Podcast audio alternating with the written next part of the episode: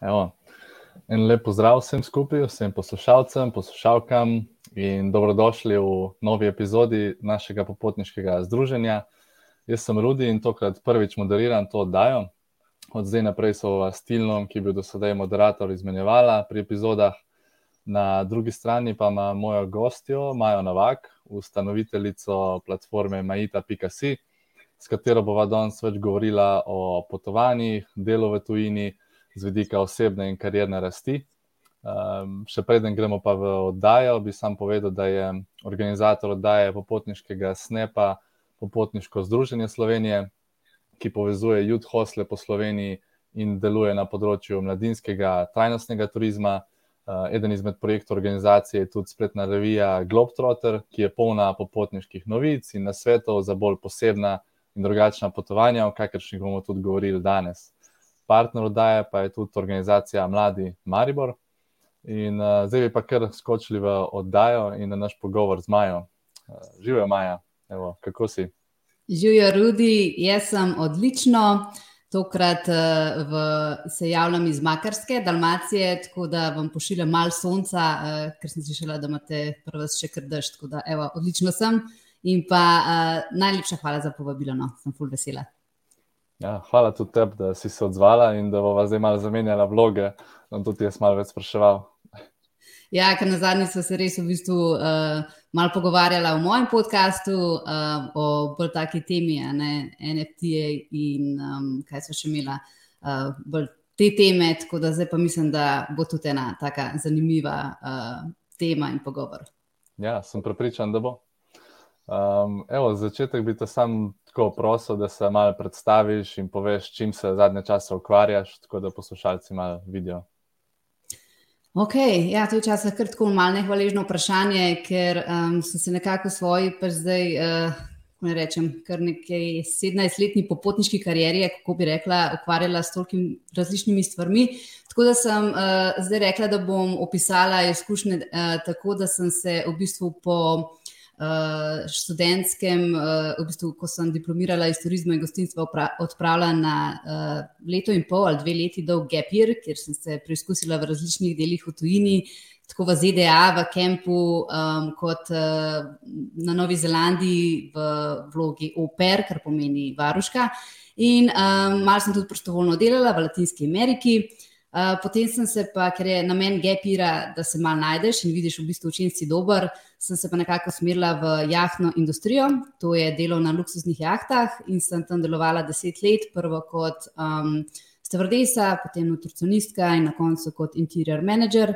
Tako da sem delala, um, tako kot vidite, različne jahte, recimo po Hrvaškem in po celi, uh, celem svetu. Smo mi pač tisti, ki skrbimo za goste, oziroma menedžiramo, da je vse tako, kot mora biti. In to sem nekako zaključila leto in pol nazaj, in takrat sem ustanovila mojo platformo Majita.si, kjer pa nekako želim mlade navdihovati nad uh, delom v tujini, nad tem, da se mogoče vsaj enkrat v življenju um, ene take izkušnje uh, udeležijo. Ne samo zato, da malo vidijo, kako je svet velik in koliko priložnosti obstaja v tem svetu, ampak tudi tako, da se malo bolj um, opogumijo, um, ne, postanejo bolj odgovorni, samostojni in pa tudi dobijo neke delovne izkušnje, ki jih mogoče v Sloveniji ne morejo dobiti. Ne. Uh, tako da to pa vse delam preko um, različnih eh, sodelovanj z, agencij, z agencijami in pa vodim tudi svoj vlasten podcast Potovanje in delo v tujini. Uh, zdaj pa ravno kar izhajajo še e-tečaji, kjer bojo pomladi lahko si vzeli te e-tečaje, da grejo varno in uspešno uh, v tujino in najdejo svoj, uh, svojo sansko službo. Pa je to lahko za poletje, lahko za eno leto, lahko za gepir ali pa mogoče za več let, kakorkoli pač. Tako da to je to na kratko o meni. To je to, ja, se, se strinjam, da je nehvaležno vprašanje, ker se moraš in je težko povedati, s čim točno se ukvarjaš, ko delaš tukaj stvari, kot ti. Um, Ja, pa nadgrajuješ se skozi. Veš, tako v bistvu, če ti si eh, mene vedno po svetu vodi ena taka uh, raziskovalna žilica in vse me zanima, in uh, noro rada se učim. Recimo, vem, jaz res ne zgubljam časa za to, da vem, gledam neke resnično že šove ali karkoli, ampak res namenjam svoj čas izobraževalnim sebinam in vse, vse, kar me zanima, in potem nadgrajuješ pač tisto svoje znanje in izkušnje in greš na nek mm, nov nivo, in v bistvu se ti potem tudi druge opcije odprejo in tako. No. Pač, ja, tako kot mora biti nadgrajevanje. Ja, absolutno. Um, ja, veš, kaj me zanima? Ne? Če začneva z, s tvojim začetkom, v bistvu, ne? me zanima, zakaj si se za to odločil. Mislim, kaj je bil tisti uh, povod za to, kaj, kaj je v tebi to vzbudilo. Ej, jaz pa hočem iti na, na Gap, res hočem iti v Južno Ameriko, hočem iti tja. Um, kaj, kaj je tisto, kar te je pognalo naprej? Mm, v bistvu se je to začelo nekako pri 19 letih, ko sem šla prvič. Takrat sem bila med srednjo in um, šolo in faksom, in nisem imela pojma, kaj naj študiram. Tako, nihče se mi zdi na, na srednji šoli te ne zna usmeriti, oziroma če ti nisi rojen, že nekako, da ti veš točno, kaj boš v življenju počel in, in kaj te zanima je tako nehvaležna naloga, da moraš malo raziskati, kaj te sploh zanima. Tako da takrat sem jaz kar naenkrat uh, dobila idejo, jaz pa želim v Maroko na potovanje. In takrat sem najdla eno sopotnico, ker nisem imela nekih prijateljev, ki bi šli z mano. To je bilo takrat, to je bilo 17 let nazaj. To je bilo uh, veliko manj popularno in mainstream, kot pa danes, ki greš v Dubaj, fly Dubaj, ne vem, za vikend. Recimo, Takrat je bilo to, da greš v Moroko, pa muslimanska država, pa sama punca, pa ne vem, kaj je vse tako, dost um, pogumno dejanje. In sem najdla preko foruma eno sopotnico in sva šle, in takrat se mi dejansko odprl svet in se nekaj, jaz hočem več pač videti sveta um, druge kulture, um, kulinariko, pač vse, kar potovanja prinašajo. In sem potem sicer uh, z mojim prvim fantom precej potovala, mislim, tako kakšne evropske tripe delala. Uh, potem, ko sem pa doštudirala, no, so se pa pač tem fantom rešila in takrat je bila idealna priložnost, da sem rekla, zdaj pa grem jaz v bistvu res v tujino, ne samo potovati, ampak tudi delati, ker sem pa želela uh, dobiti tukaj tudi neke delovne izkušnje, ki jih vem, v Sloveniji nisem, ker sem recimo pri 15 letih že začela delati in sem ogromno delala, vedno sem imela tri službe in se mi zdelo, da, da sem že toliko stvari probala in mi nič več ni bilo tako zanimivo. Tako sem rekla, gremo v Ameriko delati kot camp counselor. In potem se je ta zgodba kar naprej odvijala, in pa Oper, Nova Zelandija, um, Latinska Amerika, natančneje Puerto Rico, Dominikanska, kjer sem upravljala prostovoljstvo. In ne vem, potem, ko enkrat greš iz svoje cone obdobja in potovati in na delo v tujino, se tudi sam veš, da ne obstaja nek plan ali pa pač to se kar samo od sebe odvija naprej in spoznaš kakšne ljudi, ki ti kaj svetujejo, ali pa slišiš za kakšno novo idejo. In, in bolj, ko si odprt in bolj, ko si pripravljen poskusiti te zadeve, bolj se ti na nek način ta gap year um, odvije. Hmm. Ja, no, ena zanimiva stvar, ki si jo omenila, in se mi zdi, da je da se to pojavi ne, za, kot razlog za id nekam, ali pa razlog je povezan z, z ljubeznijo, ali pa ko se ta ljubezen konča. Jo, kako imam jaz, tako z mladimi, tako se slišim. Um, oni so vedno tako, ali ne grejo ravno zato, ker so v vezi, um, ali pa grejo zato, ker pač so ravno kar zaključili, zdaj pa ta čas. Ne? Zdaj pa res grem in pol je še mal ta heartbreak, se veš, pač tista prva ljubezen je zmeraj najtežja jo preboleti, pol se nekako že navadiš, ampak in pol ti tako greš v, v svet, to še malo pomaga preboleti zadeve in pol vidiš, da sploh ni bilo tako hudo, kot si mislil takrat. Ja. Ja.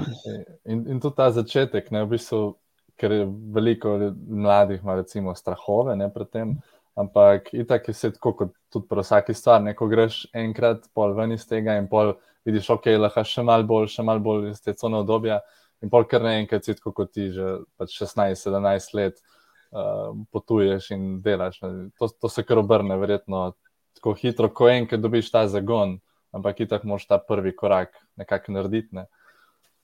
Ja, to si tako dobro povedal. Pač, čisto vsak začetek je tako mal skeri, vse ne samo to, da greš v tujino, ampak karkoli začneš, začneš nov biznis, začneš nov, nov podcast. Jaz, recimo, pa sem veliko stvari že v življenju pač premagala in tako se mogla opogumiti. Ampak, ko sem jaz začela podcast oktober 2021, mi je bilo tako, oh moj bog, jaz sploh ne vem nič od editiranja, od tega, kako goste povabiti, kakšne pogovore naj vodim. In tako, če se vsaka nova stvar je pač mal skeri. In, um, jaz, in glede na to, da se z mladimi veliko o tem pogovarjamo, koliko je teh strahov, pa dvomov, bi jaz v bistvu sploh rekla, da najbolj pogosta dva sta da jih mogoče starši strašijo, um, to je najbolj pogosto.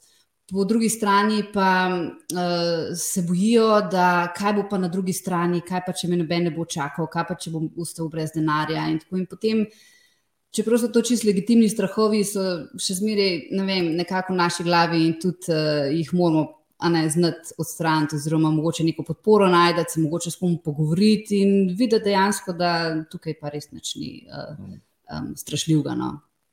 Ja. No, to, to je bilo tudi moje naslednje vprašanje. Si mi ga že odgovorila, tako je super. Ampak, a se ti zdi, da je tudi kak strah, uh, ki je prav poseben za, za slovence, recimo, da ga imamo prav, mislim, da je ja. tipičen za ta del sveta? Jaz veliko tudi z gosti govorim o kolektivnih um, vzorcih slovencev. Um, In definitivno je to, da uh, recimo, vsi se bojijo, da to ni neka redna služba in ne bojo dobili delovne dobe, ker je meni tako čisto nepredstavljivo. Tako pač, kaj pa veš, boš čez 40-50 let, bomo sploh še dovolj poko, pokoj ali ne, pač pokojnino. Ne? In ne vem, se zdaj že pred 20-ih za to sekirati, ker, boš, ker boš šel za eno leto na year in ti ne bo delovna doba tekla. Mislim, da to je tak um, vem, no, čuden strah. Poleg tega pa še. Um, ful, ful, pomemben uh, je pa ta, da smo Slovenci toliko navezani na nepremičnine, Um, ne vem, kdo mi zanči rekel, mislim, da je Ivjana, ki sem jo uh, intervjuvala, isto, da prav na cegle, da smo navezani, tako ta navezava na cegle in da um, ti zmoriš končati neko šolo in tako iti v neke kredite, v neko stalno službo, vzeti kredit in zato, da imaš ne, neko hišo in stanovanje, ker je pa dejansko danes v teh časih, ko so nepremičnine podskočile, pač cene v nebo, se mi zdi, da sploh ne vem, ni več to. Tako, no, um, ta strah, no, bi predvsem rekla, da, da zdaj pa ne, niti ne moreš vzeti malo časa, da premisliš, kdo si, kaj si, kaj si želiš, um, da greš potovati, da greš delati, da greš na pripravništvo, na prostovoljstvo, karkoli se to ni gepir zdaj nekaj, da samo malo bluziš ali karkoli. Ampak dejansko, da, da raziščeš sebe in kaj te sploh zanima, kaj ti je všeč in kaj ne. ne se mi pa zdi, da mladi so pa zelo tako, ja, ne, pa moram tako, ja, ne, um, ne pripričnino kupiti, pa mi dom, pa, pa ne starši to pričakujejo od mene. Tako se mi zdi, da najbolj je ta navezava na nepremičnino, pa navezava na starše. No. Hmm. Ker je po eni strani ok, ampak po drugi strani pa, mislim, samo enkrat živiš in. A boš vse svoje odločitve baziral na to, kaj pravijo tvoji starši in učitelji in okolica. Ne? Tako, ja, žalosten. Ja, sigurno. Um, kako pa ti to komuniciraš, to recimo ta, kaj za nekoga je lahko ta gap year ali pa recimo prostovoljstvo ali nekaj takega, kako z mladim oziroma tem, ki jim pač pomagaš, kako jim to skomuniciraš, kaj je tukaj pozitivnega zate, uh, ja, kaj je šlo na to? Um, ful dobro vprašanje, uh, ker na Sloveniji ne poznamo uh, tega terma uh, oziroma izraza gapir. To mogoče lahko inačimo z pauziranjem. In pauziranje ima ful negativen uh, prizvok, ker to pač si mislijo, da mal bluziš, ne pa tam sigurno neke druge jemliš, pa se ne vem, žuraš in vse to. Ampak to je dejansko leto odmora, ki je v tujini ful bolj popularno, oziroma v tujini ti celo na razgovoru za službo vprašajo, uh, how did you spend your gap year? Ne, kaj se ti dela v Gepiru, ker je to tako pomemben del um, tega izobrazbe oziroma odraščanja, da greš mal ven, da se, da se um, mal najdeš in tako. Tako da, kako jaz komuniciram? Um, zdaj, tako delo v tujini, jaz predlagam, zato, da greš mal ven, samo zato, da vidiš, kako je svet velik, da ta Slovenija je mogoče mal preveč omejena, ogromno imamo nekih strahov, kolektivnih tukaj v Sloveniji, vsi smo tako zelo, zelo, ne, pač samo one way je pa no other way. Medtem, ko greš v, v, v tujino, vidiš, da je to nekih mogočih uh, drugih možnosti, pa opcij, pa ne vem, spoznaš ljudi in se ti kar naenkrat odpre tok nekih uh, drugih poti, poleg tega dobiš neko delovno izkušnjo in pa. Um, ker si ti stran, izven cone obdobja, in pa nimaš nekega um, starša ali pa prijatelja za poklicati, da jim pomagaj, moraš te težave dejansko sam reševati. In predstavljaj si, se to ti veš, ne, ker si občutil na lastni koži, koliko ti potem, ko rešuješ te težave, postaneš bolj samostojen, bolj odgovoren in koliko ti to potem za samo življenje ne, doprinese. Ne, tudi, tukaj ni, ko govorimo samo o potovanjih, je pa. pa vsi si predstavljajo, da grejo zik na Tajsko, pa tam pol žurajo, pa da je ta Blue Moon Party, pa ne vem kaj vse. Ampak ni, to je v bistvu um, res toliko stvari, ki se ti zgodi lahko v tujini in um, kako ti na to reagiraš, in potem na nek način tudi sam sebe na novo spoznaš, zaradi tega, ker si v situacijah, ki jih v, Slo v Sloveniji, recimo, še nisi doživel. In moraš čisto drugače reagirati, in pol vidiš, da oh, wow, se v bistvu pa sem samo zavestna. Um, ali pa se v bistvu pa znam rešiti ta problem, ker doma, doma bi bil nekdo drug rešil ta problem, ali pa bi ne vem, krivdo na nekoga druga dal in to je to. Tam si pa res odgovoren sam za sebe. Ali pa volonterstvo je meni odprlo fuluči. Uh, jaz sem bila takrat v Dominikanski republiki, ki uh, meji na Haiti. Haiti je ena izmed najbolj revnih držav na uh, zahodni polobli.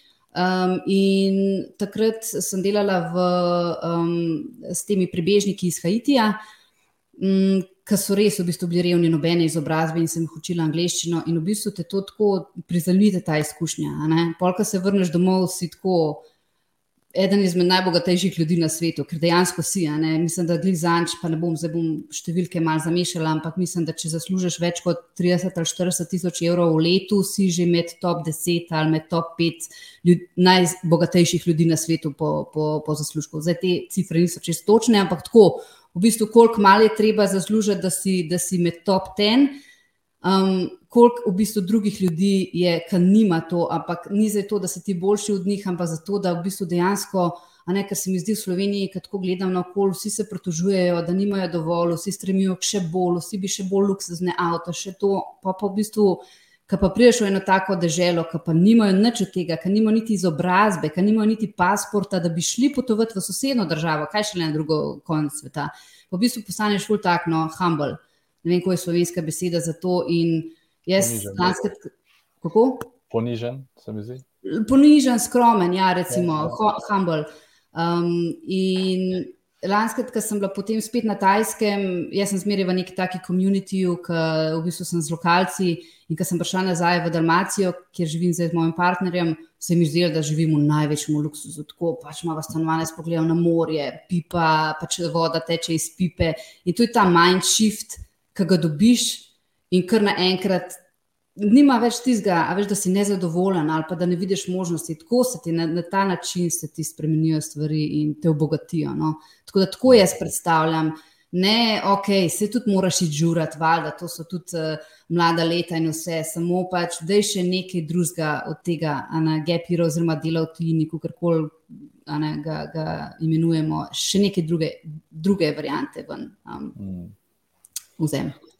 Ja, zelo, zelo dobri pointi. In tudi ta, se mi zdi, ko se ta nagrada, ne, ki jo dobiš pol sam od tega, od te izkušnje, se mi zdi, da včasih pač je zelo težko nekomu predstaviti to. Ne, me kdo včasih vpraša, kaj je zdaj to, kaj je zdaj to ti prineslo, zakaj je to boljše iti potovati. Ne.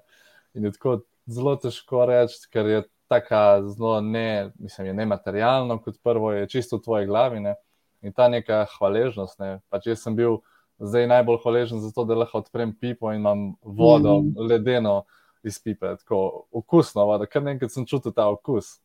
Ja, je še zmeraj, ko pridemo v Slovenijo, je še zmeraj, mislim, da je to ena izmed najboljših, najbolj kvalitetnih uh, voda na, pač na svetu.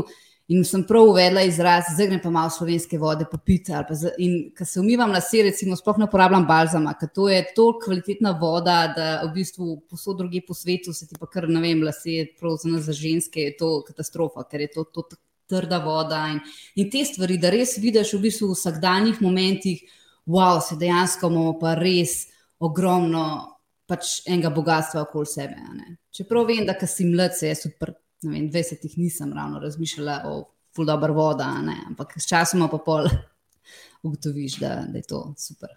Ja, tako zelo male stvari, v bistvu, ne, ki ni, niso na prvi pogled, ko, kar vidiš recimo, na Instagramu, kaj daje potovanja.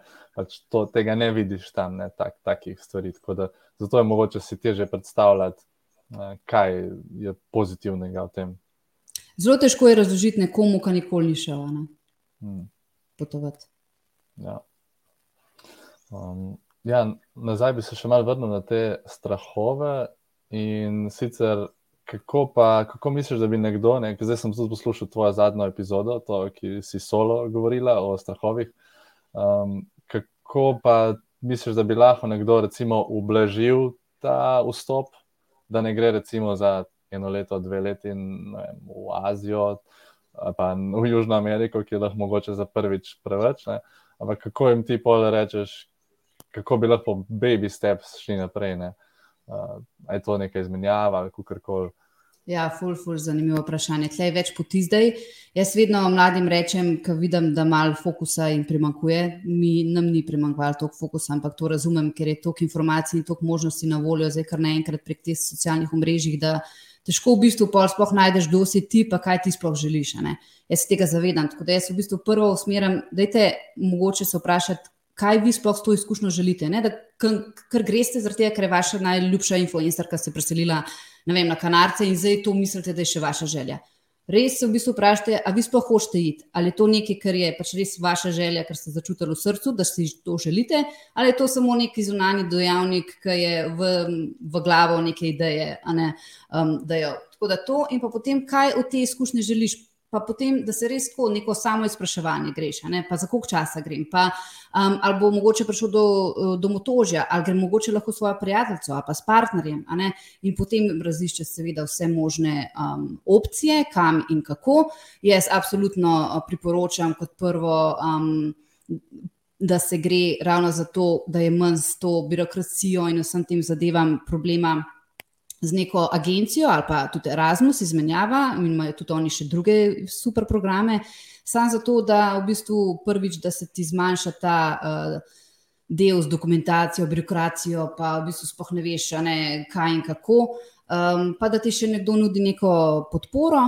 Um, potem, pa, potem pa kar je tako, ne preveč dolgo čakati. Jaz vidim, da to sem se zadnjič s kolegico izgovarjala, mi dve takrat, ko smo se odločili, tako, ko začutiš, oh, wow, jaz sem jaz slišala, jaz hočem v Ameriko, jaz sem vedela, jaz sem vedela, da grem in nisem pustila, pa mi je tudi mama rekla, ja, kdo pa te bo čakal na drugem koncu sveta, to je zih na tek.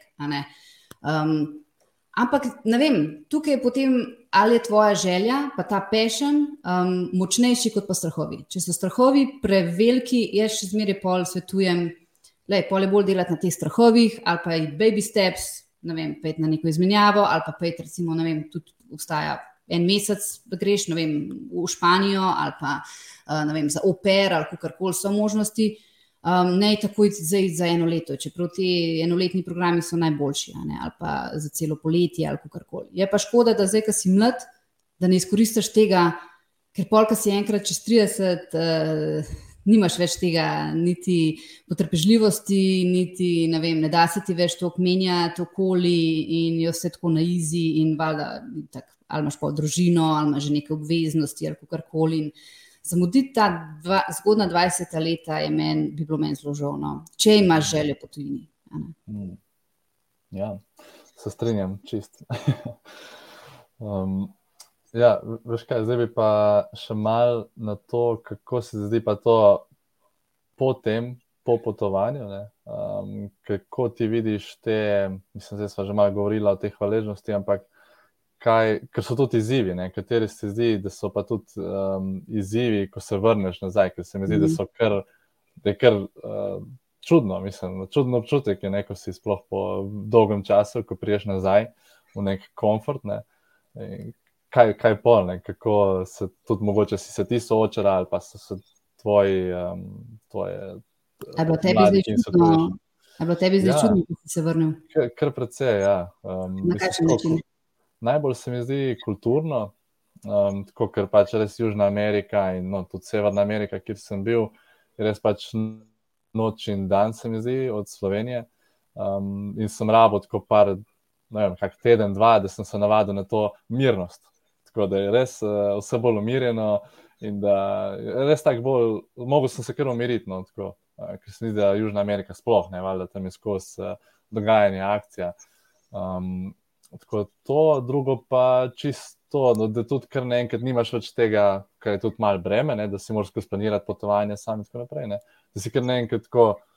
Wow, ok, tega ne rabim in se moraš pač kar malo navaditi. Pa jaz sem recimo se zdaj bolj tudi, ker naenkrat začel več časa nameniti tudi delu in vsem, ne, ker sem pač mm. valjda več časa, ker ne planiram potovanj. Uh, tako da kar tak uh, shift mi je bil. No. Ja, je. Absolutno je. Polk se vrneš, zdaj tako, pač nekateri, ki se vrnejo, potem nadaljujejo naprej življenje, dobijo so neko to uh, izkušnjo, ki so jo rabili, dobijo nek dober job in, in super. Enem pa kar ne gre in se pol na njih navračajo na ta delo v tujini, oziroma potovanja in to, kar traja in traja, kar je ok, ampak da niso samo to neke izkušnje, no stop, pač mal za en mesec tukaj, za dva meseca tukaj, tri, pač slejka prej se je treba nekam usmeriti. Ne? je pri meni bilo to recimo po 24 letih, po Gepiru. Um, ampak ravno zato mi je Gepir do tega pomagal. Ne? Jaz sem pač imela izobrazbo in uh, ogromno izkušenj v gostinstvu in turizmu in ta hospitality industriji, plus vse ne, travel, um, te izkušnje, ki sem jih imela. In sem se jaz totalno najdla v jahni industriji in sem pač si zadala to um, pot. Tako da nekateri potem kar grejo od ene izkušnje do druge izkušnje, to pa tudi ni fajn.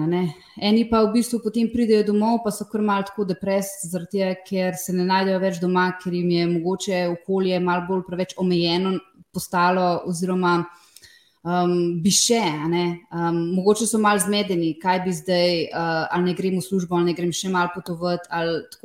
Jaz verjamem, da je, da je tako, ker je ena taka dilema. Ampak.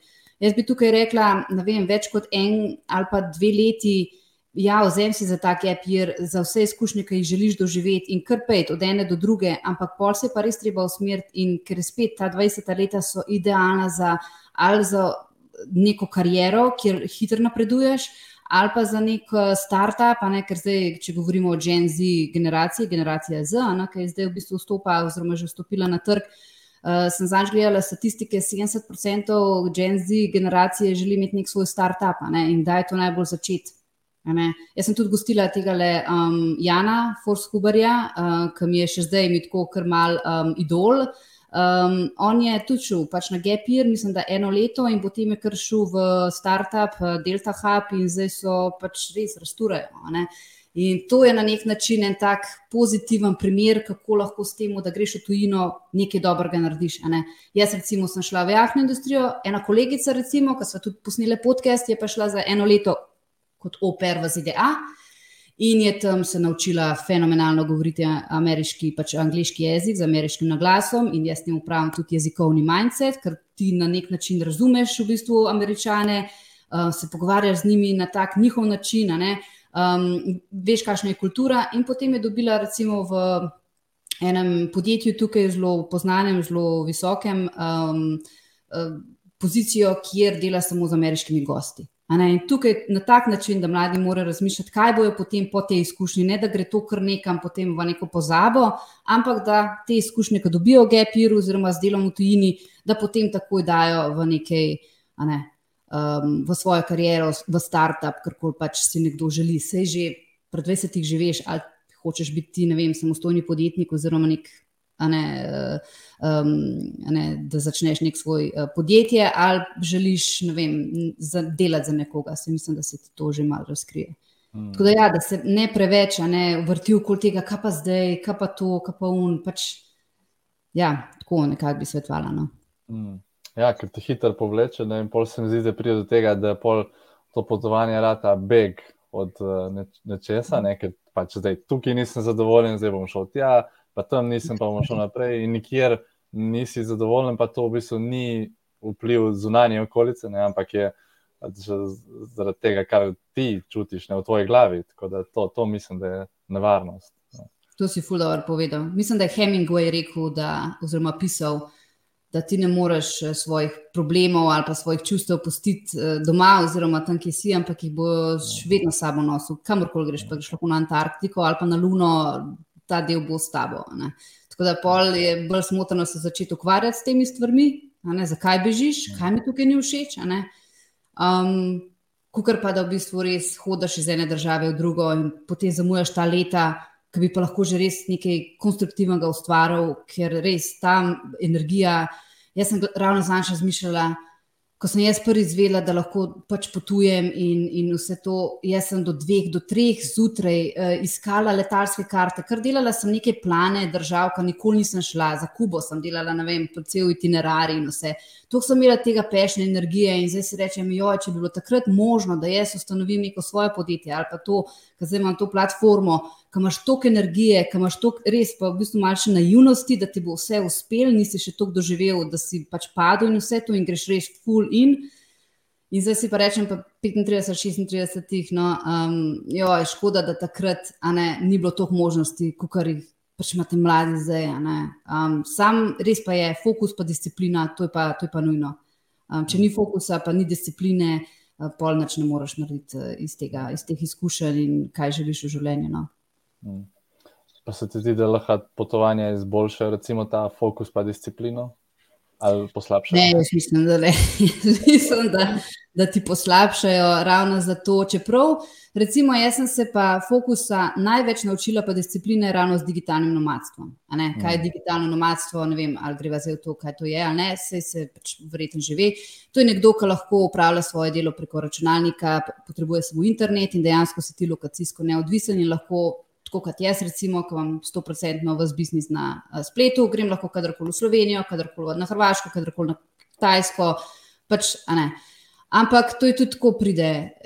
Ne, zdaj ni več to samo potovanje, ni več samo to, da ja, zdaj pa lahko grem ne, na nek trip tam na Tajskem ali pa vem, v džunglo. Pa, ne, pač moram delati kdaj moram delati, takrat, ko imajo vem, moje stranke business hours. Če je to v Sloveniji, je to šest urna razlika, recimo s Tajsko.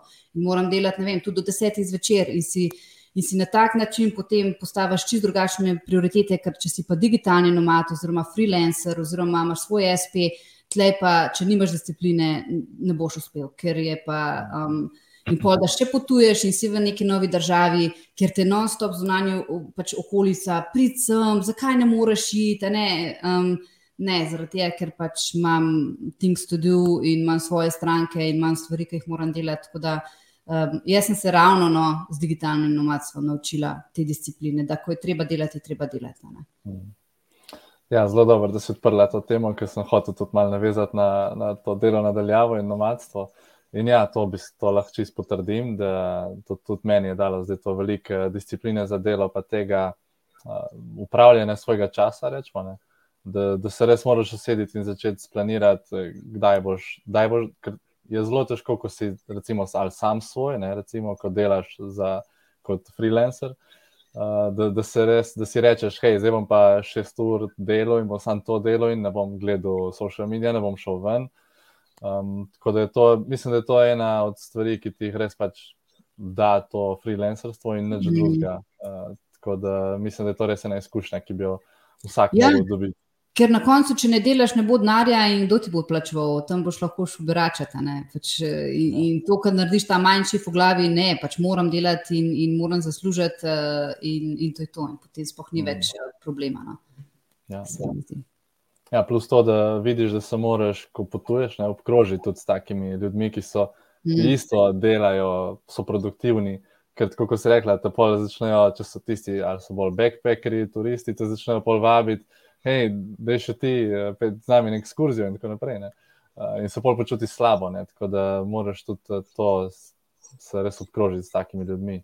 Ja, pa ful moraš komunicirati. Jaz tudi, recimo, ko sem bila na Tajskem, eh, jaz sem puncam, recimo, um, ki se tako poznamo, ki hodimo na iste retrite in vse to. Jaz sem rekla, lejte, jaz delam um, od 8 do uh, 12 in pol imam čas za uh, uh, kosilo, gremo lahko skupaj, kako koli, ampak ob dveh jaz spet začnem in delam do sedmih in pol gremo lahko na večerjo in na vem, večerno in jogo in um, ne vem kaj vse.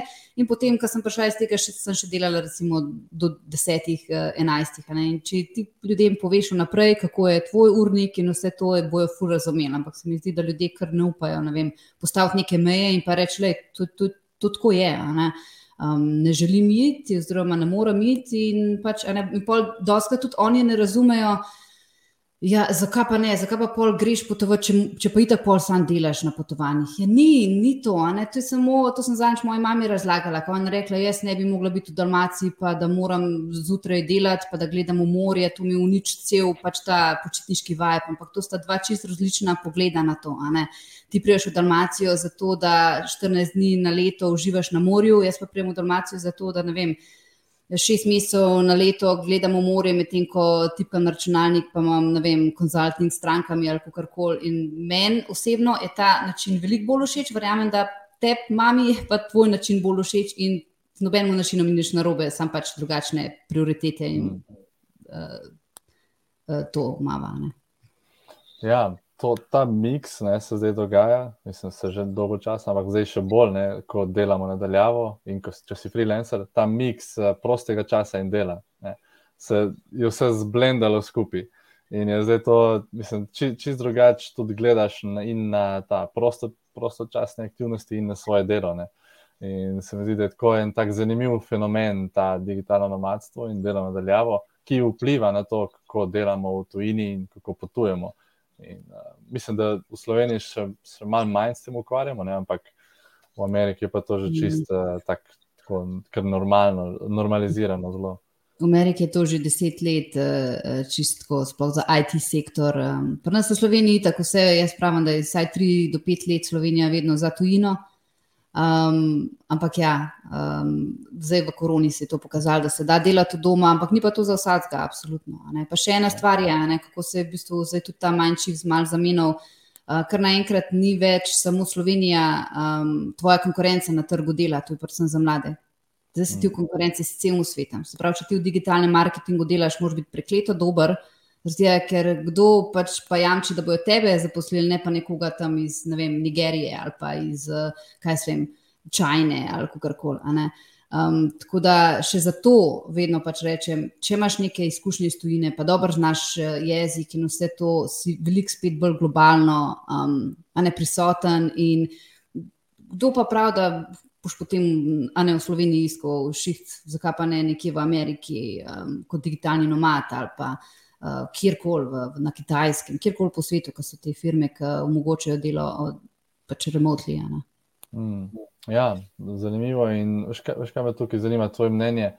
Um, zdaj, recimo, na temo, da bo pač čez dalje več recimo, slovencev, mladih, imelo tako delo, remote in recimo živelo v obdobju svojega doma ne, in delalo za neko tujo firmo. Um, a se ti zdi, da se bo zaradi tega manj ljudi, mladih, odločali za iti v tujino, na neko delo, ali da bo raje pol ostalo, ker že delaš za neko tujo firmo.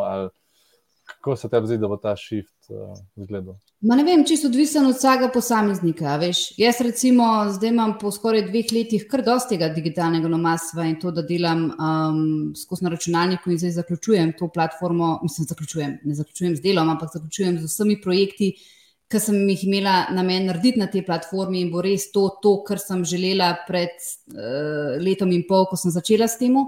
In mi bo kar naenkrat ogromno odvečnega časa ostalo.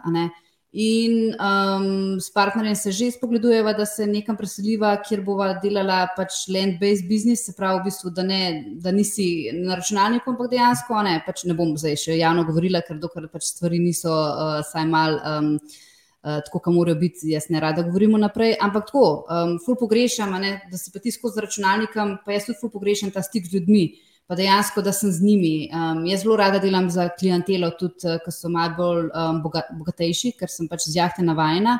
Um, in tudi pogrešam ta del, tega, ker me na nek način ta delo z bogatimi ful inspirira, kako oni na veliko razmišljajo in kako je njim vse tako še bolj. Um, mogoče. In tako za njih res ta beseda ne mogoče ne obstaja. In spet, ko se obkroži s temi ljudmi, kar naenkrat še ti tako postaneš. In mi to na nek način po, teh, po tem času, ko sem bila res zdaj izredno samo računalnik, delam to na platformi.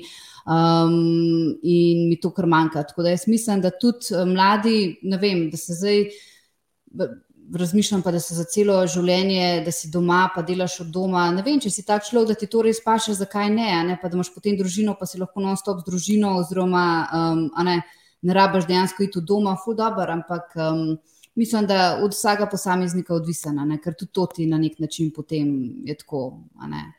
Um, tudi nekdo, ki dela za neko firmo, kdo pa pravi, da bo do konca življenja delal. Pač lahko pet let delaš, potem pa spremeniš, pa greš na nek sabeti kalir, pa greš spet ne vem, na neko prostovoljstvo ali kar koli. Ali pa greš, ne vem, Maja Fermer, recimo, je svojim možem, pa hčerko, zdaj si, mislim, da pol leta vzela frej, pa je šla potovati po celem svetu. Ne? ne pravim, da si to lahko vsakom pač prevošči, ampak ona, ona dva si lahko in, in so tako šli. Ne? Tako da ne vem, um, mislim, da je čisto odvisno od posameznika. No?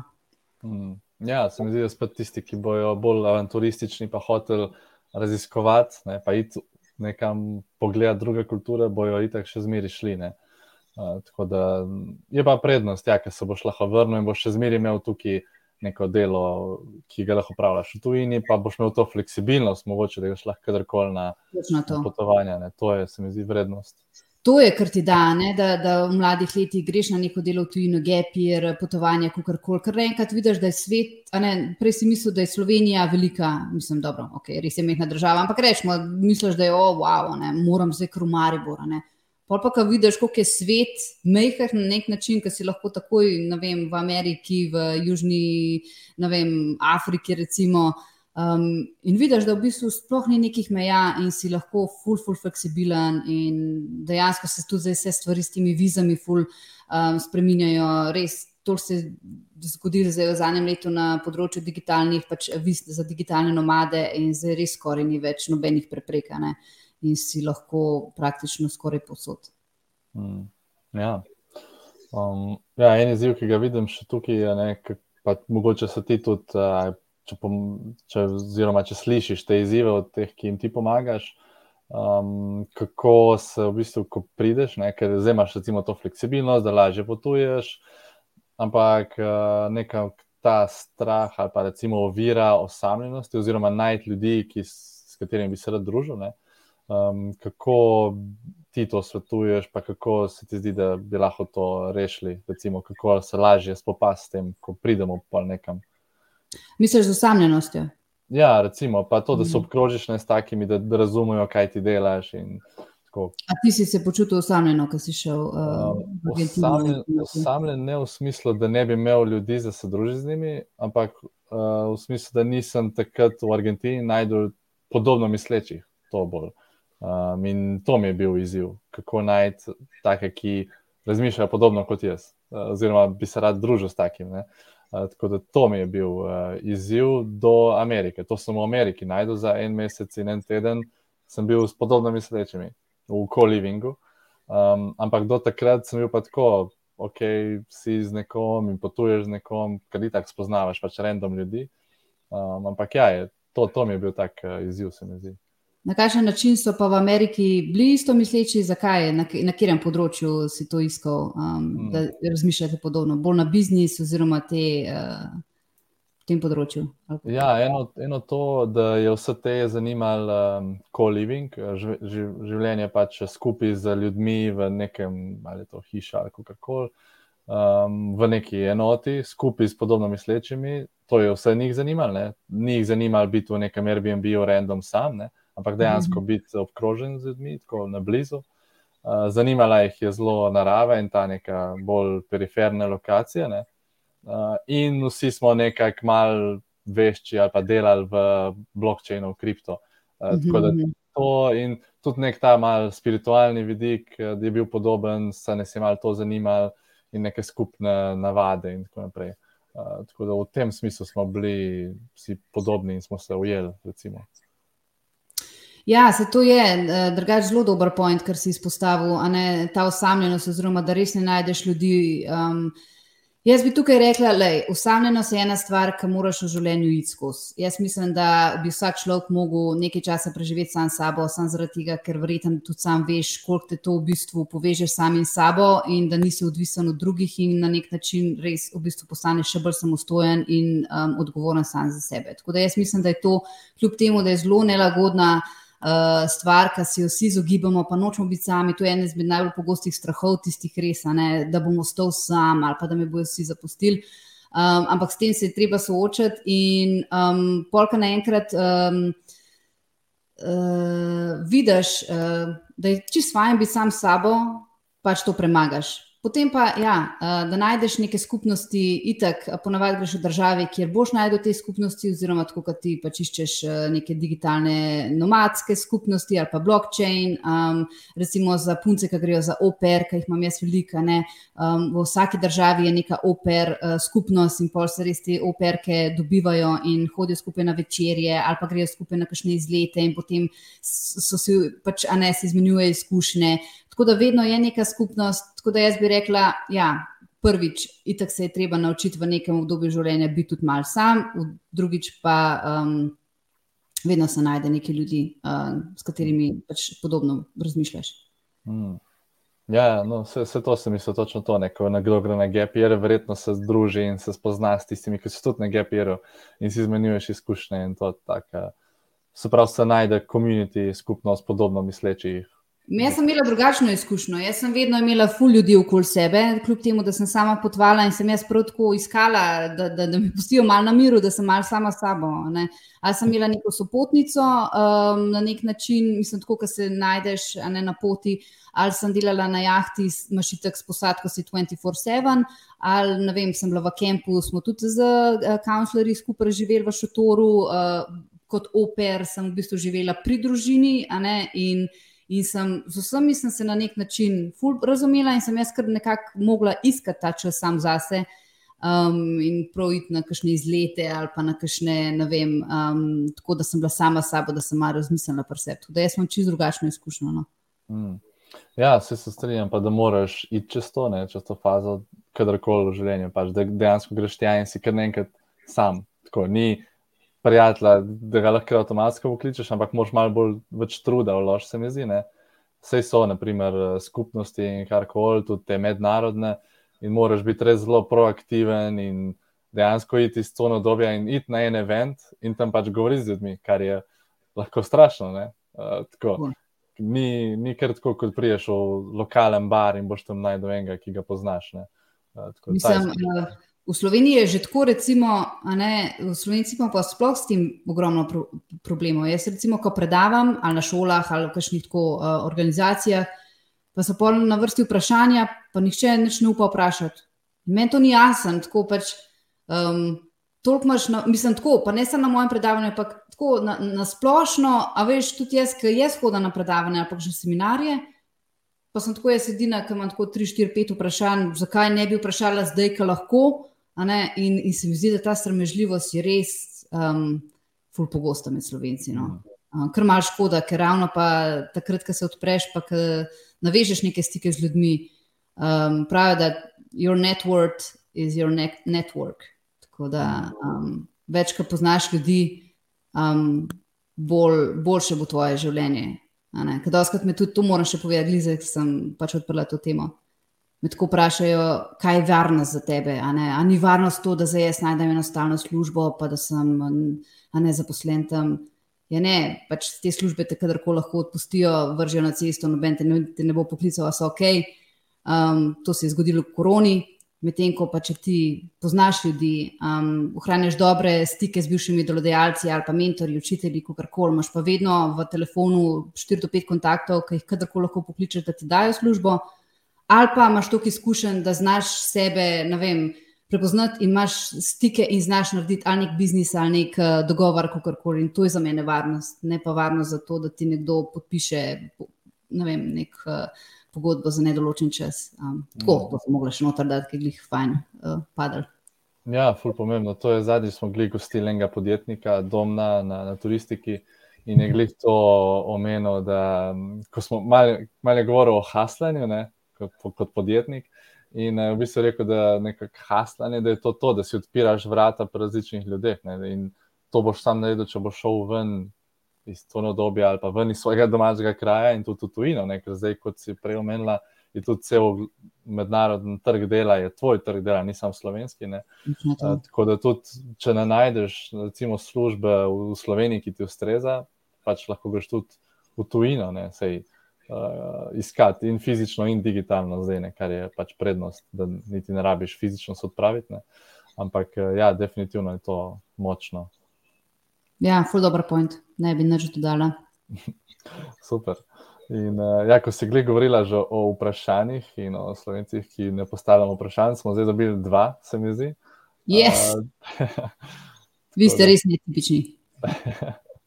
Tako da, evo, se, a ga vidiš tudi ti? Kako je s previdnostjo ja. na tovrstnih potovanjih, na kaj treba biti pozoren? A je to pravilno vprašanje? Ja, to je to. Ja, to je spet, um, to je najbolj pogostejše vprašanje, kako je z varnostjo, kaj če se mi kaj zgodi. Zanj je bilo eno vprašanje na Oper eventu, kaj zdaj s temi streljanji v, na šolah v Ameriki. To je bilo ravno prej, se je to zgodilo v Beogradu in sem jaz takrat rekla, jaz se vprašanje, kdaj se bo to začelo ne, pa to je bilo malo tako ušalja, pol je bilo pa čez en teden. Tako, tako da se mi zdi, da slovenci ful na tem področju, kot da je tujina zdaj, a, a priori, ki greš v tujino, bo pa nekaj šlo na robo ali pa nekaj ne bo ok. Ne. Prav je, da se o tem sprašuješ, kako čim bolj poskrbeti za varnost, ker um, jaz ravno zdaj izdajam uh, full dobro tečaj pred pripravo na delo v tujini in potovanje, ker grem ravno čez to, ker, kar sem jaz doži, doživela v 17 letih, kaj vse je šlo na robe, zgubiš bančno kartico, te ukradejo, ne vem, ostaneš brez vsega, ne vem, ostaneš brez prtljage in kaj od teh, ne vem, davčno rezidentstvo, vse te zadeve.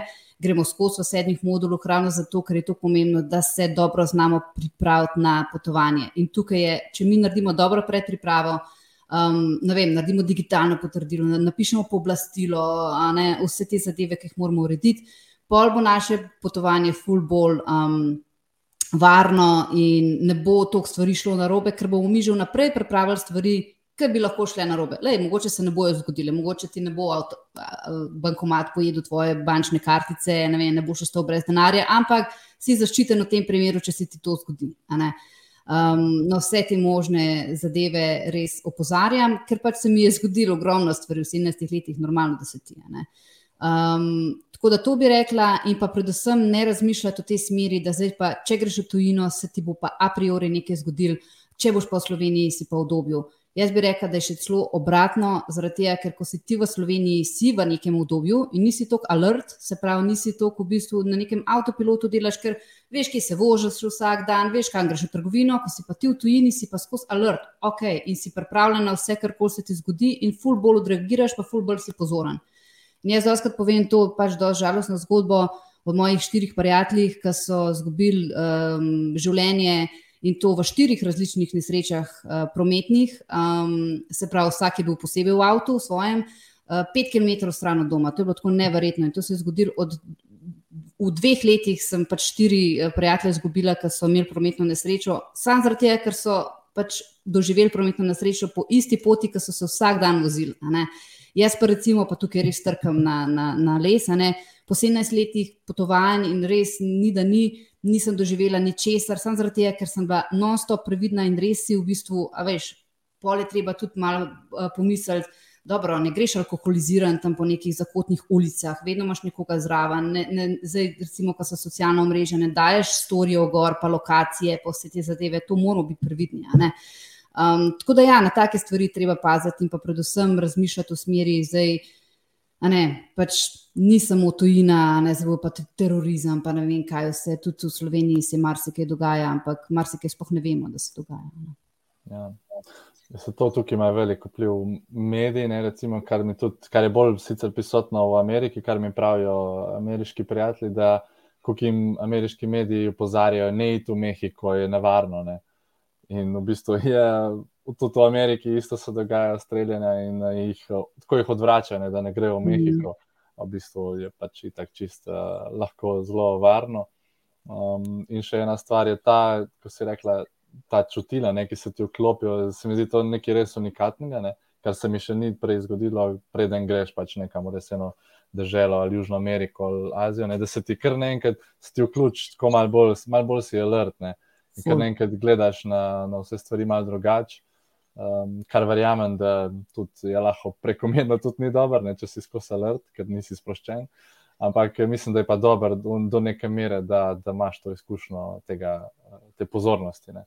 Ker pol tudi, ko priješ nazaj, tudi in bolj ceniš, in tudi bolj si tukaj uh, alert za nekatere stvari, ki mogoče prej ne bi bil, ki so samoumevne. Ja, ali pa recimo meni se je zanča ena zadeva zgodila tukaj v Makarski, ki je praktično, ne vem, zdaj moj dom. Me je nekdo prvič v življenju zasledoval.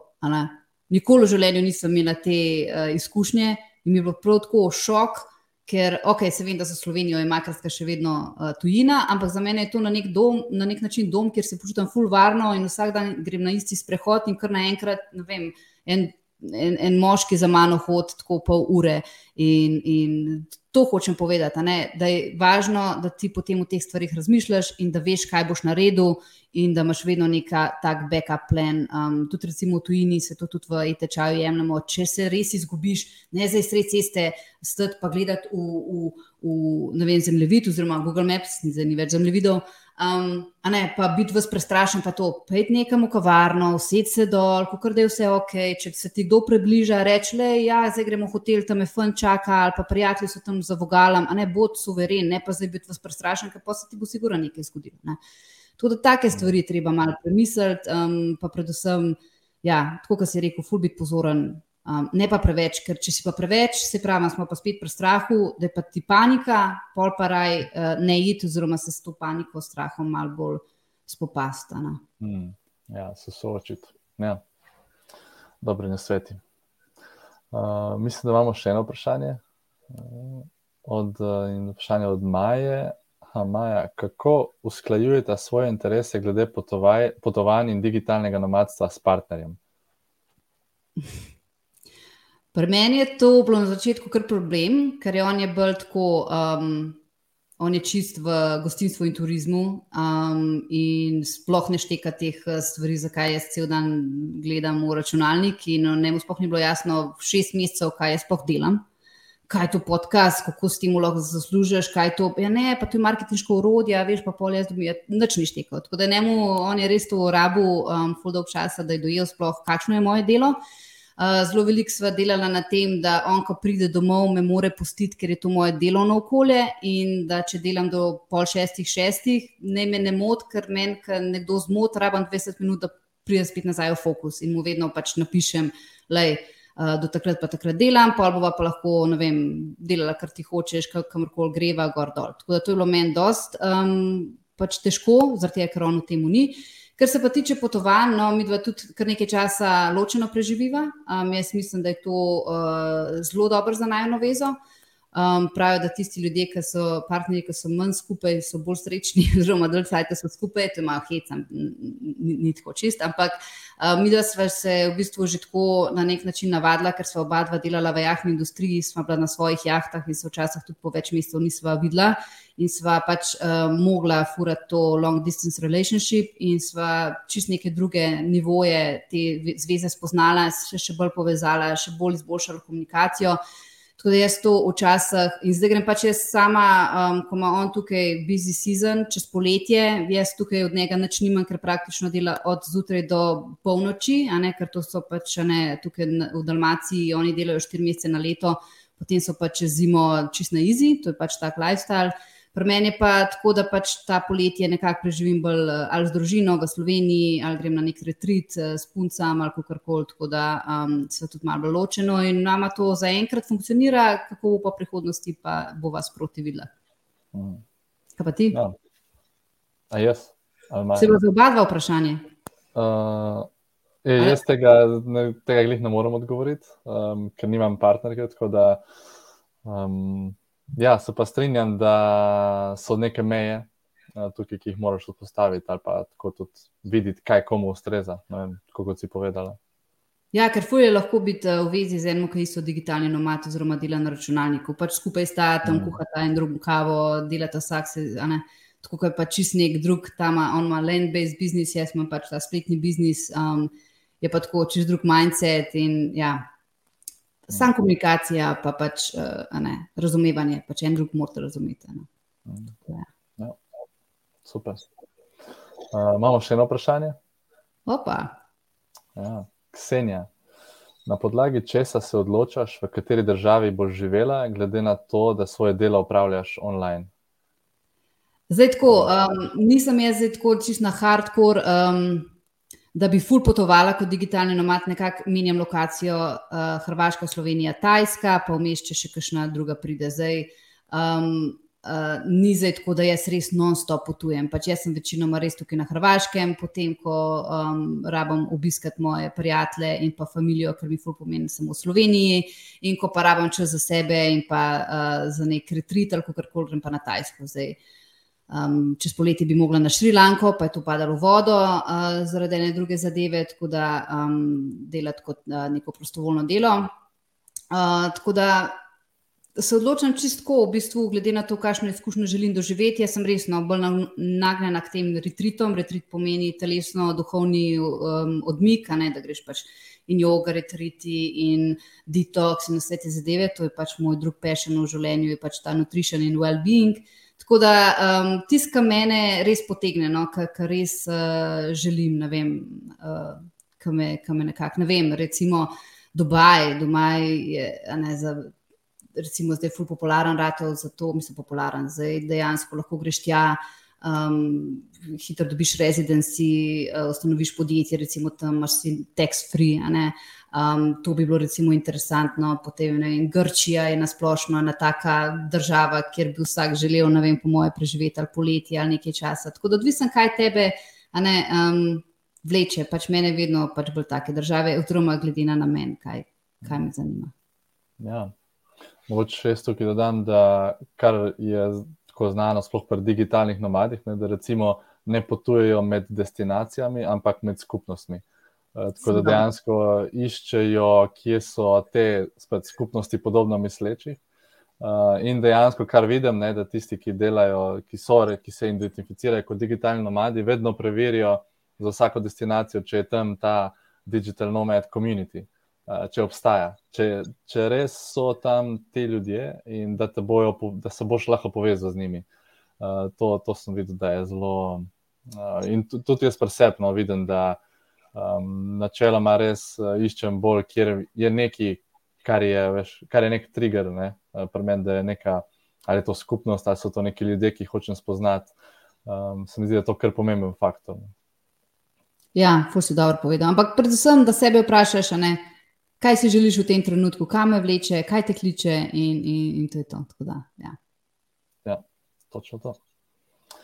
Evo, super, nimamo več vprašanj. Hvala za vse tri vprašanja.